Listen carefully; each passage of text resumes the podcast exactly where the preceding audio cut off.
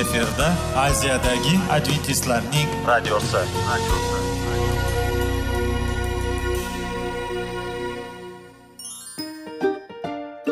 Assalomu alaykum aziz radio tinglovchilar.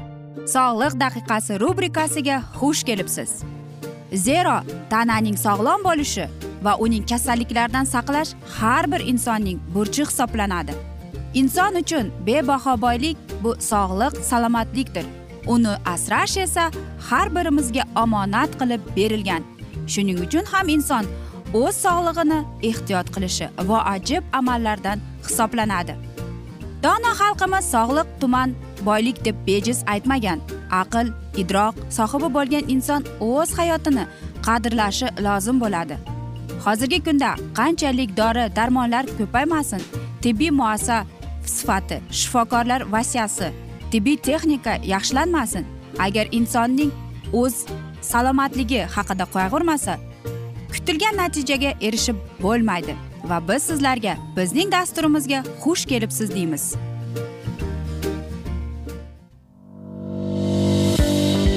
Sog'liq daqiqasi soliqning kaliti qiziqarli ma'lumotlar faktlar.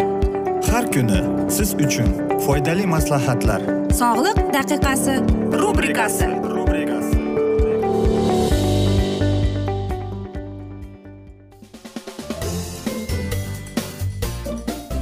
assalomu alaykum aziz radio tinglovchilar. Dasturimizga xush kelibsiz va biz sizlar bilan besh daqiqa sog'liq uchun deb atalgan dasturimizda xushvaqt bo'ling deb aytamiz. Va dasturlarimizni boshlashdan avval sizlarga yodingizga solib o'tmoqchi edik. Agar dasturimiz davomida sizlarda savollar tug'iladigan bo'lsa bizga whatsapp orqali murojaat etishingiz mumkin. Bizning whatsapp raqamimiz plyus bir uch yuz bir yetti yuz oltmish oltmish yetmish aziz do'stlar. Va bugungi bizning dasturimizning mavzusi bu suvning davolovchi tomoni deb ataladi. Hammamiz bilamiz muqaddas kitobda shunday bir hikoya borki elisey o'zining xizmatkoriga aytadi borib uy yetti marta iordan daryosida yuvinib o'zingni badaningni yangilaysan va toza bo'lasan deydi albatta bu suv protseduralari o'ta muhim va o'zining bo'lgan e, davolovchi kuchi bilan mashhurdir. Masalan bilamizki sovuq suvni agar biz sovuq suvda artinadigan bo'lsak bizdagi bo'lgan qon tomir e, qonini yuqori qilishga kuchi boradi. Va hattoki likatsit yoki aytaylikki qon bosimingiz yuqori bo'lsa yoki aytaylikki e, sidik siydik ushlash yo'li kasal bo'lsangiz yoki aytaylikki sizda metabolizmi past ishlasa aynan mana shu narsalar suv. Aynan suv sizga yordam beradi deydi. Yoki aytaylikki e, issiq suv. Issiq suv esa teskari aksincha holatini beradi. Masalan sizga agar gidroterapiya yozib bergan bo'lsa qarang qanchalik sizning mana shu suv protseduralaringiz kalta bo'lsa shunchalik e, bu kuchli reaksiyani beradi deydi. Shuning uchun ham suv protseduralarini biz to'liq olishimiz kerak deydi. Biz bunday protseduralardan keyin tanamizni artmasligimiz kerakki shunchaki pijamani kiyib va issiq to'shakka o'ranib yotishimiz kerak o'n besh o'ttiz daqiqaga deyapti. Va bu shamollash belgilarini olib tashlaydi deydi. Va albatta mana shunday muolajalarning atrofida oralig'i ikki soatdan bo'lishi kerak. Har safar deydi siz badaningizni sovuq suv bilan yuvmoqchi bo'lsangiz birinchi issiq suv keyin esa sovuq suv deydi. Va shuni aytish kerakki har bir mana shu protsedura o'zining ma'nosini yo'qotmaslik kerak deydi. Yoki aytaylikki bizdagi bo'lgan suyak og'rishlar yoki tanamiz og'riganda bizning tanamizda qandaydir sepki paydo bo'lganda biz albatta e, nima qilamiz? Suv bilan uni yuvishimiz kerak bo'ladi. Shuning uchun ham sizning agar dush qabul qilmoqchi bo'lsangiz suvning temperaturasi o'n yoki o'n sakkiz gradus bo'lishi kerak deydi. Yoki aytaylikki oyoqlaringiz sovqotyapti. Bu shunday narsalarga shunday odamlar borki qancha issiq kiyinmasin ular baribir oyog'i sovqotaveradi. Shuning uchun ham bir tog'oraga illiq suvni to'ldirib oyoqlaringizni birinchi aytaylikki bir tog'oraga sovuq suv to'ldirasiz bir tog'oraga esa issiq suv. Uning darajasi o'ttiz yetti qirq daraja bo'lishi kerak. Birinchi sovuq suvga solasiz keyin issiq suvga va mana shunday qilib o'n yigirma daqiqada siz buni mana shu muolajani qilib chiqishingiz kerak. Va yana bir usul bor bu albatta dush. Dushni birinchi biz dushga kirganimizda belimizga quyishimiz kerak keyin ko'kragimizga va bizning tanamiz asta sekin qizarishni boshlaganda keyin esa deyapti. O'n yigirma sekundga sovuq suv bilan yuvinishimiz kerak. Chunki deydi aynan mana shunday dush bizning qon tomir almashishiga qon yurgizishimizga yordam beradi. Bunday muolajalar psoriaz kasalligiga duch kelganlarga judayam yengillatadi ularning kasalligi deydi. Albatta suv bu eng yaxshi va foydali usullardan biri hisoblanadi lekin faqatgina uni sizga shifokoringiz yozib bergan bo'lsa xolos. Va shuni unutmaslik kerakki shifokorsiz o'z bilishimcha siz bunday narsalarni qilmasligingiz kerak. Birinchi o'rinda shifokor sizga gidroterapiyani yozib bergan bo'lsa faqatgina o'shanda qilishingiz mumkin. Albatta suv bu eng arzon dorilardan hisoblanadi lekin yana shuni unutmaslik kerakki biz e, bir kunda ikki litr suv iste'mol qilishimiz kerak. Bu ham eng yaxshi usullardan biri hisoblanadi va suv ko'p kasalliklarni oldini olishga yordam beradi. Va qarangki hattoki ozishga ham yordam beradi deydi. Qanday qilib deysizmi? Bu oddiy bizning oshqozonimizga ovqat tushgandan keyin u albatta hazm qila boshlaydi va bu narsada e, biz o'zimizdagi bo'lgan mana shu almashuv moddasini to'g'ri e, yo'llanishga yordam beramiz ekan. Shuning uchun ham suv aziz do'stlar hamma kasalliklarga davo qiladi. Suv bu bizning hayot manbai deb bejizga aytmagan. Va agar albatta siz shamollab qolgan bo'lsangiz suv muolajalarini qilib ko'rsangiz unda siz mana shunday shamollash belgilarini olib tashlagan bo'lasiz. Albatta buning ham o'zining qonun qoidalari bor. Bu gidroterapiyaning Э, gidroterapiyani masalan э, shunday kasalliklarga maslahat berishadi. Psoriaz kasalliklarga teri kasalliklarga yoki aytaylikki qon yuritish uchun mana shunday suv muolajalarini tavsiya etiladi. Lekin yana bir bor takrorlab o'tmoqchiman hech bir shifokorsiz aziz do'stlar bu muolajani boshlamang. Yaxshisi shifokoringiz bilan maslahat qilib faqatgina shifokor sizga maslahat berib sizga mana shuni tavsiya etsa shundagina sizga tavsiya etamiz. Biz esa aziz do'stlar mana shunday asnoda bugungi dasturimizni yakunlab qolamiz. Vaqt birozgina chetlatilgan lekin keyingi dasturlarda albatta mana shu mavzuni yana o'qib eshittiramiz. Agar sizlarda dasturimiz davomida savollar tug'ilgan bo'lsa bizga whatsapp orqali murojaat etishingiz mumkin. plyus bir uch yuz bir yetti yuz oltmish oltmish yetmish yoki bizning salomat klub internet saytimizga taklif qilib qolamiz. Sizlarni va biz umid qilamizki bizni tark etmaysiz deb chunki oldinda bundanda qiziq bundanda foydali dasturlar sizlarni kutib kelmoqda deymiz aziz radio tinglovchilar. Va biz sizlar bilan xayrlashar ekanmiz. Sizlarga va oilangizga tinchlik totuvlik sog'lik salomatlik tilab. O'zingizni va yaqinlaringizni ehtiyot qiling deb xayrlashib qolamiz.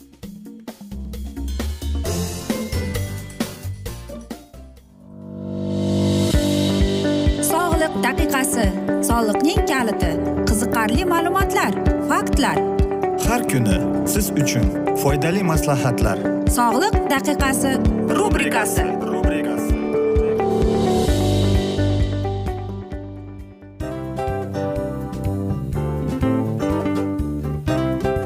Mana ha hayotda hamma narsaning yaxshi narsalar tugaydi va yakunlaydi degandek bizning dasturimizga ham yakun keldi. O'ylaymanki bizning dasturimiz sizga foydali bo'ldi deb aziz radio tinglovchimiz va siz o'zingiz uchun kerakli xulosalar kerakli maslahatlar olib oldingiz. Aziz radio tinglovchimiz biz bilan qoling va keyingi dasturlarimiz albatta undanda qiziqroq bo'ladi. Mana shu alfozda sizlar bilan xayrlashib qolaman.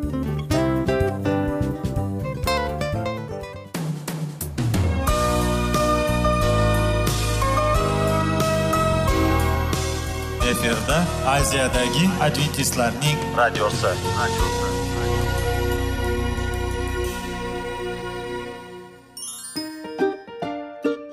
Assalomu alaykum aziz radio tinglovchilarimiz. Dil izhori dasturimizga xush kelibsiz. Pul insonni baxtli qiladimi? Albatta yo'q. Sog'liqchi? Albatta bo'lishi mumkindir. Lekin olimlar shuni isbotlashdiki to'liq va mukammal munosabatlar insonlarni baxtli qilar ekan. Albatta biz hayot davomida biz yaqin insonlar bilan odamlar bilan aloqada bo'lamiz va ular bilan munosabatlarimiz qanday kechadi qanday tuziladi? Yigit va qiz er va xotin ota ona va farzandlar va yaqin insonlar bilan. Balkim hozirgi vaqtda kimnidir hayoti yoki munosabatlari buzilyapti. Va bizning dasturlarimiz ularga yordam bo'ladi deb.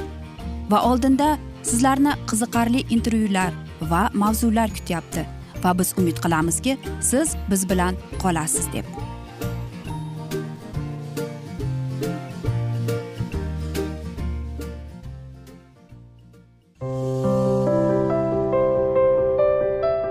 Har kuni har xil kasbdagi odamlar bilan sirlashish va bo'lishish sevgi rashq munosabat. Bularni hammasi dil izhori rubrikasida.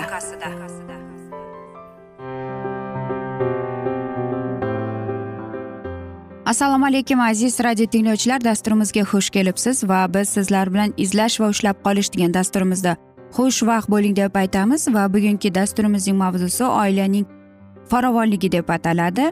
Va albatta bilasizmi oilaviy farovonlik deganimizda biz boshqacha qilib tushunadigan bo'lamiz. Biroq aytaylikki keyingi davrlarda aniqrog'i yigirmanchi asrning elliginchi yillaridan boshlab insoniyat turmush tarzi bilan bog'liq jamiyatda yuzaga kelgan ijtimoiy iqtisodiy siyosiy va ma'naviy o'zgarishlar natijasida odamlar ma'lumotlik darajasining o'sishi ayollarning xalq xo'jaligining turli sohalarida faol ishtirok etishi mehnat faolining ta'sirida oila sharoitida er xotin munosabatlarining o'zgarishi o'z navbatida oila nikoh munosabatlariga xususiyatiga o'zining juda qattiq ta'sirini ko'rsatdi deydi.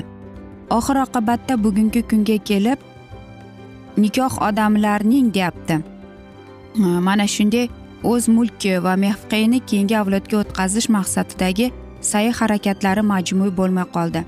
Ayollar iqtisodiy mustaqilligining ta'minlashi bilan nikoh qachonlardir bo'lganidek iqtisodiy e, sheriklik zaruriyatining natijasini hisoblanmay qoldi deydi. Farovonlikning umumiy o'sishi ta'sirida agar nikoh insonni qoniqtirmasa u o'z hayotini osongina boshqa yo'lga qo'yishi mumkin bo'lib qoldi. Bundan tashqari ajrashganlar endilikda o'zlarida isnot tamg'asini ko'tarib yurmaydi chunki ajralish o'z hayot yo'lini istagandek ko'rish uchun qoniqish hissini vujudga keltiradigan omilga aylandi. Natijada oilaviy hayotda insoniyatning ijtimoiy va ma'naviy taraqqiyoti uchun zid bo'lgan holatlar tug'ilishning kamayishi ajralishlar sonining ko'payishi ajralishlarning salbiy oqibatining kishilar hayotiga ta'sirchanligini ortib borishi nikohsiz oilalarning ko'payishi va boshqa qator salbiy hodisalar yuz bera boshladi. Shu tariqa oila turmush yuzaga keladigan muhim muammolar jahon ilmiy tadqiqotchiligi sotsiologlar demograflar etnologlar tarixchilar deydi. Huquqshunoslar mediklar pedagoglar va psixologlar e'tiborni o'ziga tortdi. Oilaviy hayot muammolarining ijtimoiy psixologik xususiyatlari psixologiya fanining dolzarb masalalaridan biri bo'lmoqda. Ijtimoiy psixologiyada oilaviy hayot muammolariga doir ilmiy tadqiqot ishlari qanchalik keng tarqal miqyosda olib borishiga qaramay uning hali ham yetarli darajada o'rgatilmagan tomonlari ham mavjud. Bular qatoriga oila barqarorligiga shaxslar aro munosabatlar ta'sirining ijtimoiy psixologik xususiyatlari ham kiradi. Oilaviy hayot nikoh va oila undagi shaxslararo munosabatlar muammolari bo'yicha tadqiqot olib borgan uzoq va yaqin chet el psixologiyaliklarning ishlari bilan tanishar ekanmiz. Ularning izlanish yo'llanishini shartli ravishda ikki turga ajratish mumkin. Birinchisi bu oilaviy buzilishiga olib keladigan sabablarni o'rganish orqali oilani mustahkamlash undagi o'zaro munosabatlar barqarorligini ta'minlash va oilaviy baxt istiqbolliklarni belgilash sohasidagi ilmiy tadqiqot ishlari. Ikkinchidan baxtli va farovon oilalarni yangi oiladagi baxt va farovonlikni ta'minlovchi oilaviy hayotga xos muhim omillarni o'rganish sohasidagi ilmiy tadqiqot ishlari. Ana endi shu yo'nalishlarda olib boriladigan ilmiy izlanishlar bilan chuqurroq tanishib ularning tadqiqotimiz bilan bog'liq o'ziga xos tomonlari haqida mulohaza yuritamiz. Bugungi kunda nikoh va oilada muhim o'zgarishlar yuz berayotganini rad etish qiyin. Bular kengroq ijtimoiy o'zgarishlarni o'zida ifodalaydi. Tadqiqotlarning guvohlik berishicha baxtli oila va farovon turmush ta'minlanuvchi muhim jihatlar to'g'risidagi o'spirinlar tasavvuri bilan oilalar tasavvuri o'rtasida keskin farq mavjud. Bu holat ayniqsa oilaviy ma'naviy va moddiy hayotidagi to'g'risidagi tasavvurlarda yorqin namoyon bo'ladi. Nikohdan keyingi hayot er xotinning o'z turmush tarzi va tajribalari yordamida o'zlarining baxtli oilalarini ko'rishga undaydi va bu ijtimoiy voqelikni ular real tushuna boshlaydilar. Baxtli oila masalalari bilan shug'ullanadigan sotsiologlar psixologlar olimlar uning o'n bitta eng muhim sharoitlari mavjudligini aniqladilar. Birinchisi er xotin o'zaro bir birini tushunish alohida uy joyning mavjudligi moddiy jihatdan yaxshi ta'minlanmaganlik farzandlar nikoh mustahkamligiga ishonch oilada bo'sh vaqtni qiziqarli o'tkazish o'ziga yoqqan ish bilan ta'minlanganlik ma'lumotning mosligi ish joyini qulayligi yaxshi do'stlarning mavjudligi er xotin erkinligi. Ularning tadqiqot tahlillariga ko'ra qaysi bir oilada ana shunday imkoniyatlar mavjud bo'lsa u baxtli oila deyish mumkin. Uning a'zolari esa baxtiyor va farovon turmush kechirayotganlaridan darak beradi. Ularning tadqiqot tahlillariga ko'ra yana shu narsa ma'lum bo'ldiki oilada baxtli va farovon turmush vujudga kelishi uchun yuqorida keltirgan shart sharoitlar o'z ahamiyatiga ko'ra er bilan xotin uchun bir xil emas deydi. Masalan er xotinning bir birini tushunishi alohida uy joyning mavjudligi moddiy tam yaxshi ta'minlanmaganlik farzandlar qiziqarli va hokazo degani bu. Aytaylikki faoliyatning eng yaxshi zarur shart sharoitli va bolalar oila ittifoqi barqarorligining muhim mazmuni mohiyati tashkil etilgan deyiladi. Ana aziz do'stlar mana shunday oilaviy baxtni ko'rish uchun biz nimalarga qodir emasmiz deymizu lekin afsuski mana shunday narsalar ham muhim rollarni o'ynab qo'yar ekan. Lekin baxtli oila bo'lish uchun hamma narsa bizning qo'limizda aziz do'stlar. Faqatgina erkak va ayolning qo'lida ya'ni er va xotinning qo'lida deymiz. Aziz do'stlar biz esa mana shunday asnoda bugungi dasturimizni yakunlab qolamiz chunki vaqt birozgina chetlatilgan. Lekin keyingi dasturlarda albatta mana shu mavzuni yana o'qib eshittiramiz. Umid qilamizki bizni tark etmaysiz deb chunki oldinda bundanda qiziq va foydali dasturlar kutib kelmoqda sizlarni deymiz. Biz esa sizlar bilan xayrlashar ekanmiz sizlarga va oilangizga tinchlik totuvlik sog'lik salomatlik tilab o'zingizni va yaqinlaringizni ehtiyot qiling deb seving seviling deb xayrlashib qolamiz.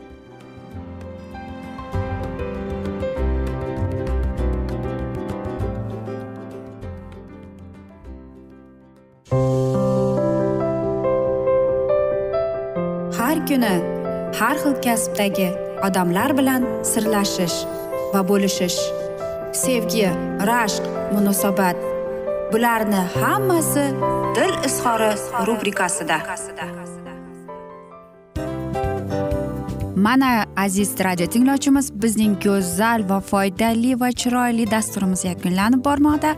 Sizlarga birozgina maslahat berib o'tmoqchi edik.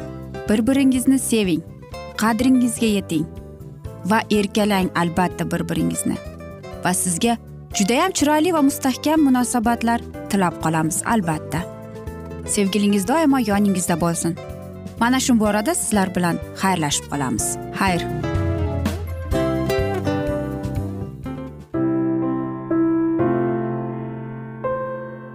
Hayotning noni. Qiziqtirgan savollar va javoblar. Buning hammasi ko'ngil uchun oziqa rubrikasida.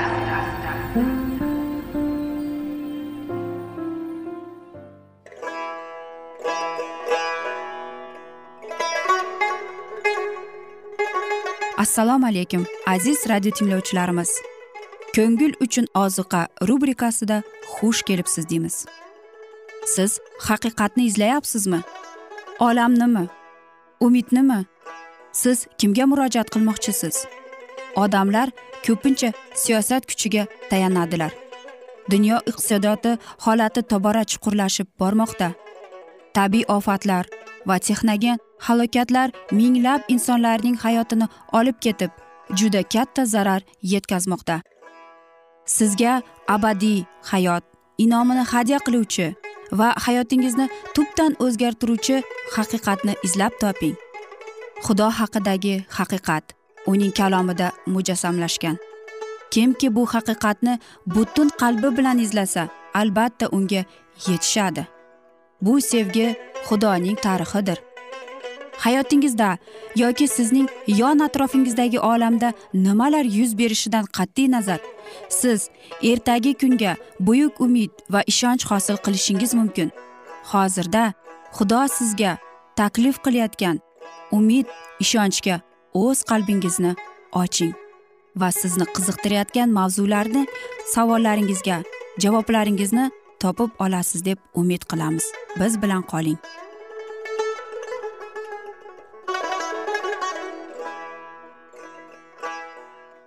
Assalomu alaykum aziz radio tinglovchilar. Dasturimizga xush kelibsiz va biz sizlar bilan ulug' otalar va payg'ambarlar deb nomlangan dasturimizda xushvaqt bo'ling deb aytamiz.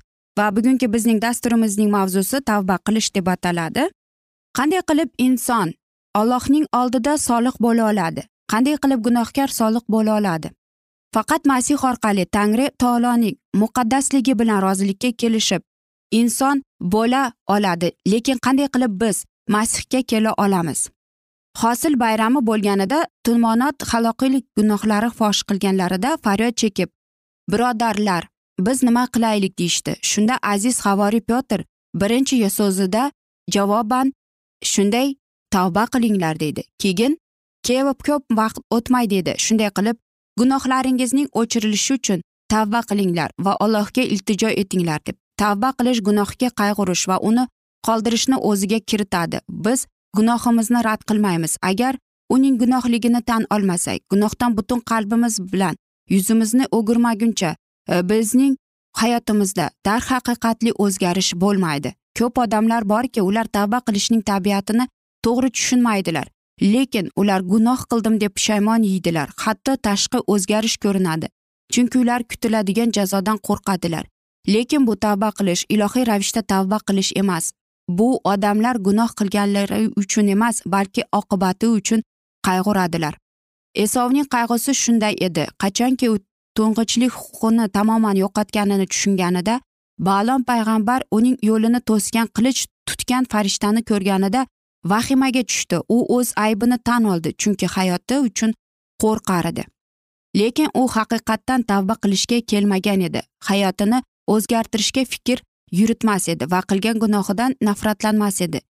Iskariyotlik yahuda o'z xudovandiga xoinlik etganidan keyin faryod chekib men xoinlik qildim begunoh qon to'kilishiga aybdorman deydi. Bu aybdor jonining e'tirof etishi hojatli bo'ldi chunki u aybdorligini sezib keladigan hukmdan juda qo'rqardi. Uni kutadigan oqibatlar jonini vahimaga solar edi. Lekin uning qalbida begunoh allohning o'g'liga nisbatan xoinlik qilib muqaddas isroildan rad bo'lganiga chuqur u yurak kuzatadigan qayg'u hasrat yo'q edi. Fir'avn allohning hukmidan azob chekib kelgusi jazodan qochib o'z gunohini tan oldi lekin balo qazo bitgan zahoti u yana unga ochiq itoatsizlik qaytdi. Shu odamlarning bari gunohning oqibati uchun qayg'urib gunohning uchun esa qayg'urmas edilar. Lekin qachonki yurak ilohiy ruhning ta'siriga berilganida vijdon uyg'onadi gunohkor parvardigor qonunning chuqurligini va muqaddasligini qisman ko'ra boshlaydi. Qonunchi uning osmonda va yerdagi hokimiyatning asosidir. Dunyoga keladigan hamma odamzodni yorituvchi haqiqiy nur yurakning sirli joylarini yoritadi va natijada zulmatning ko'rinmas ishlari ko'rinadigan bo'ladi. Ongini va yurakni pushaymon qissi qamrab oladi. Gunohkor azaldan bo'lganining soxligini tushuna boshlaydi. O'zining butun aybi va nopokligi bilan qalblarini sinaydigan huzuriga kelishi lozimligidan u vahimaga tushadi. Allohning muhabbati muqaddasligining afzalligini va benuqsonligining shohidligi u ko'ra boshlaydi. O'z parvardigori bilan muomalaga kirishib u poklanishni va qayta tiklanishni orzu qilib xohlaydi. Dovud gunohga yo'liqib qayg'u hasratga tushdi va samoviy otaga faryod chekdi. Uning nadomatli ibodat qilgan gunohiga haqiqatdan tavba qilishning namunali tasviridir. O'z aybini yumshatish harakati hech kim ham yo'q deydi. Kelajak hukmdan qochib qutulish maqsadi uning ibodatida o'z qalbining buzuqligini ham biladi deydi. Dovud o'z jinoyatining dahshatligini ko'rgan. U ibodatda kechirim so'rabgina emas balki yuragining toza bo'lishini istar edi. Chanqagan odamday olloh bilan rozilikka va munosabatga sazovor bo'lishga orziqardi va muqaddaslik quvonchni chanqatardi. U o'z jonini shunday so'zlarda ochdi. Qanday baxtli gunohi yo'tilgan qonunsiz ishlari af bo'lgan odam deb. Qanday saodatli unday kishi xudovand inobatga olmas aybini deb. Ko'nglida esa biron makr yo'q deydi. Yo parvardigorim menga inoyat qilib mehribonlik ko'rsatgin. Qilmishimni qonunsizlik deb tan olaman. Qilgan gunohim o'z ko'z o'ngimdadir mudom. Meni issob bilan tozala pok bo'lay. Meni yuvgin qorday ham oppoq bo'lay deb. Yo tangrim menda pok yurakni yaratgin. Ichimda yangi sobit ruhni bunyod etgin. Meni o'zingdan uzoqlashtirib tashlama. O'z muqaddas ruhingni mendan olma. Najotning ila mening qayta quvontirgin. Irodali ruh ila meni mustahkamlagin. Qonimdan o'tavergin ey xudovandim najotkorim. Sening adolatingni tarannum etsin tilim.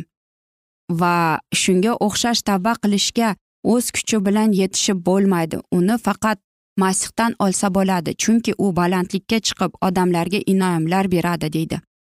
Ana xuddi shu moddada ko'plar adashadilar. Shuning uchun masih bera oladigan yordamni olishmaydi. Oldin tavba qilmasdan masih huzuriga kelib bo'lmaydi va tavba qilish odamlarni gunohlardan kechirilishiga tayyorlaydi deb ular o'ylaydilar. To'g'ri tavba qilish gunoh kechirilishdan oldin yuradi chunki faqat ezilgan va nadomat chekayotgan qalb najotkorda o'zining muhtojligini sezadi. Endi isoning oldiga kelish uchun gunohkor oldin albatta tavba qilish uchun zarurmi? Tavba qilish gunohkor bilan najotkor orasida to'siq bo'lmaydimi? Aziz do'stlar biz esa mana shunday asnoda bugungi dasturimizni yakunlab qolamiz chunki vaqt birozgina chetlatilgan lekin keyingi dasturlarda albatta mana shu mavzuni yana o'qib eshittiramiz. Va dasturimiz davomida sizlarda savollar tug'ilgan bo'lsa bizga whatsapp orqali murojaat etishingiz mumkin. Bizning whatsapp raqamimiz plyus bir uch yuz bir yetti yuz oltmish oltmish yetmish. Umid qilamizki bizni tark etmaysiz chunki oldinda bundanda qiziq va foydali dasturlar kutib kelmoqda sizlarni deymiz. Biz esa sizlarga va oilangizga tinchlik totuvlik tilab o'zingizni va yaqinlaringizni ehtiyot qiling deb xayrlashib qolamiz.